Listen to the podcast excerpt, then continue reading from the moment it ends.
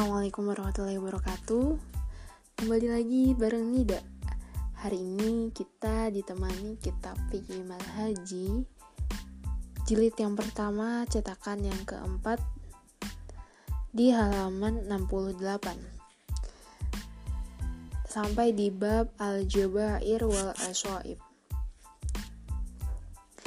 Jadi Al-Jabair itu adalah semacam artinya adalah balutan aswaib itu seperti handy plus oh, perban perban nah aljabair itu adalah jamak dari jabiroh yang artinya ikatan yang diletakkan di atas anggota yang patah untuk mengikat atau membalutnya.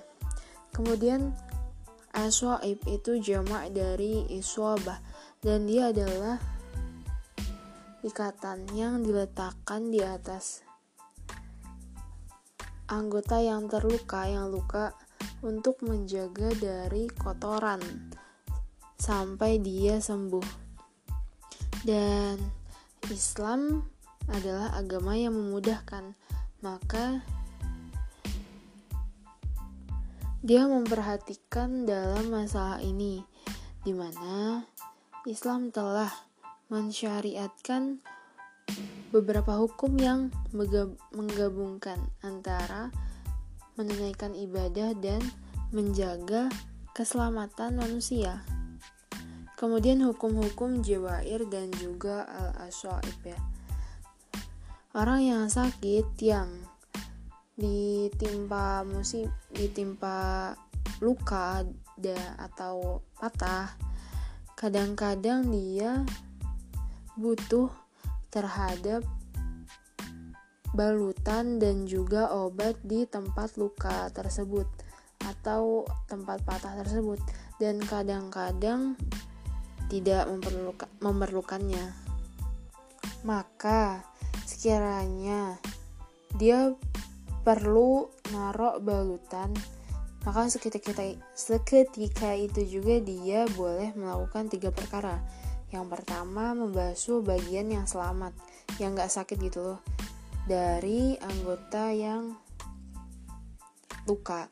Kemudian yang kedua, menyapu seluruh ikatan atau balutan atau perban, ya semuanya.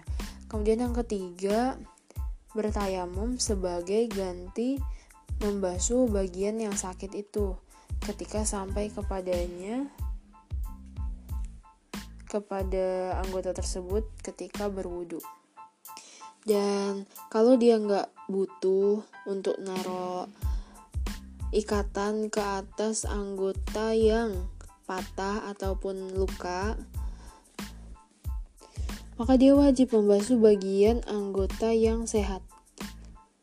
Dan bertayamum untuk menggantikan bagian yang luka kalau dia nggak boleh membasuh tempat yang luka tersebut.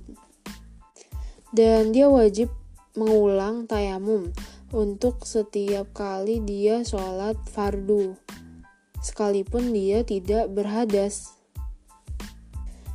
Tapi untuk anggota-anggota lain, dia tidak wajib dibasuh ulang kalau dia kecuali kalau dia berhadas.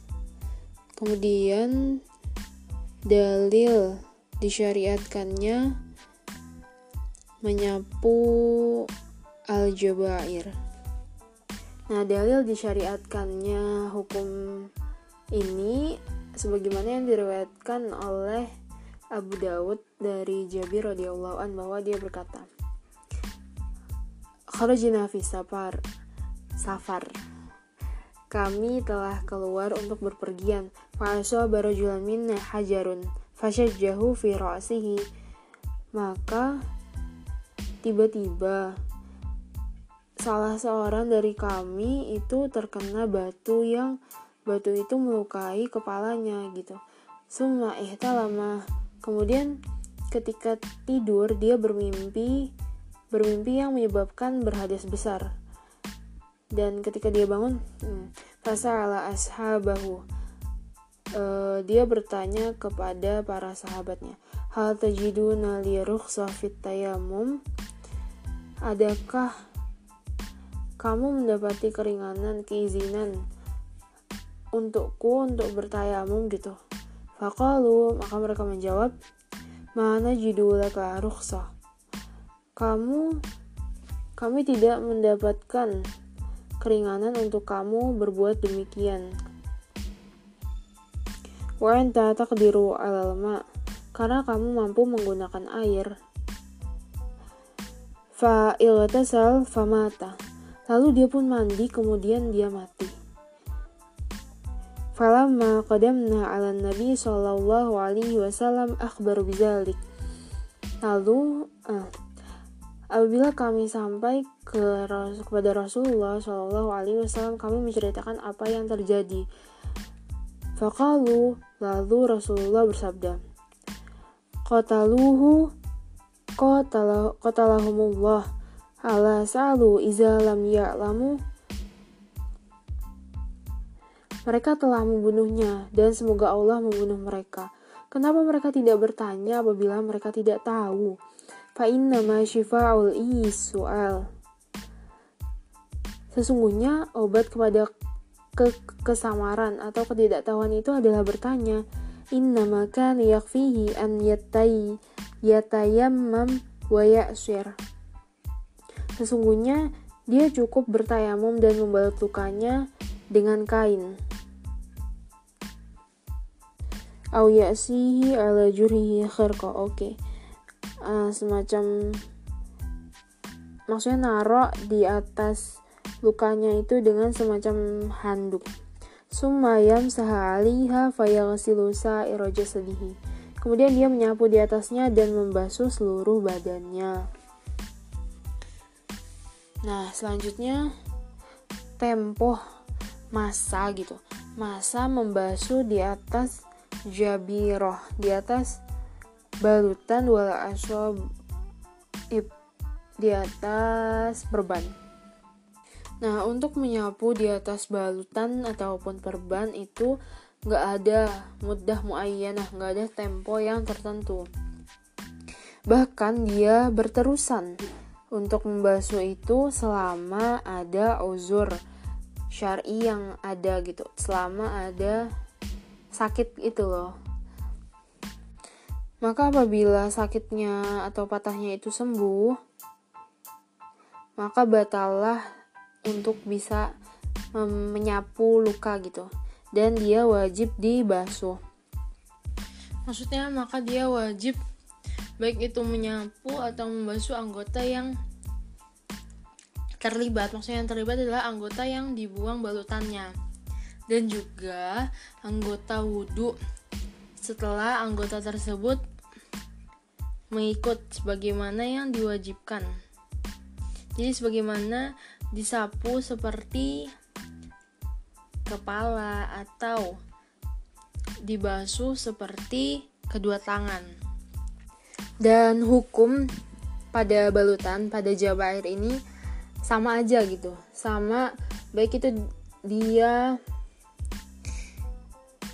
toharoh dari hadas kecil ataupun hadas besar kecuali kalau dia di hadas besar apabila batal masa masa dia bisa membasuh itu wajib membasuh tempat tempat yang dibalut saja. Dan tidak wajib membasuh seluruh badannya. Berlainan dengan wudhu kalau di wudhu wajib dibasuh atau disapu anggota yang dibuka balutannya dan anggota wudhu selepasnya. Nah, wajib nih atas orang yang tadi yang memakai balutan itu. Dia wajib mengkodok sholat yang sekiranya balutan tersebut berada dalam salah satu keadaan berikut ini. Ada tiga. Yang pertama kalau dia meletakkan balutan itu dalam keadaan tidak suci. Jadi dia berhadas gitu. Dan dia uzur. Jadi dia tidak dibenarkan membukanya. Kemudian yang kedua balutan itu berlaku. Balutan itu ada di anggota anggota tayamum yaitu wajah dan juga kedua tangan kemudian yang ketiga apabila uh, bagian yang sehat itu bagian yang sehat dibalut melebihi kadar balutan pada tempat yang sakit. Oke, kita selesai di bab Jabair wal Asaib. Syukron, semoga bermanfaat. Insya Allah bab selanjutnya tentang mandi. Tentang mandi dan hukum-hukum dan juga jenis-jenisnya. Syukron, semoga bermanfaat pokoknya ya. Kalau ada yang ingin ditanyakan boleh tanya ke Instagram @barengnida. Ba @bareng underscore nida. Oke, okay. syukran. Wassalamualaikum warahmatullahi wabarakatuh.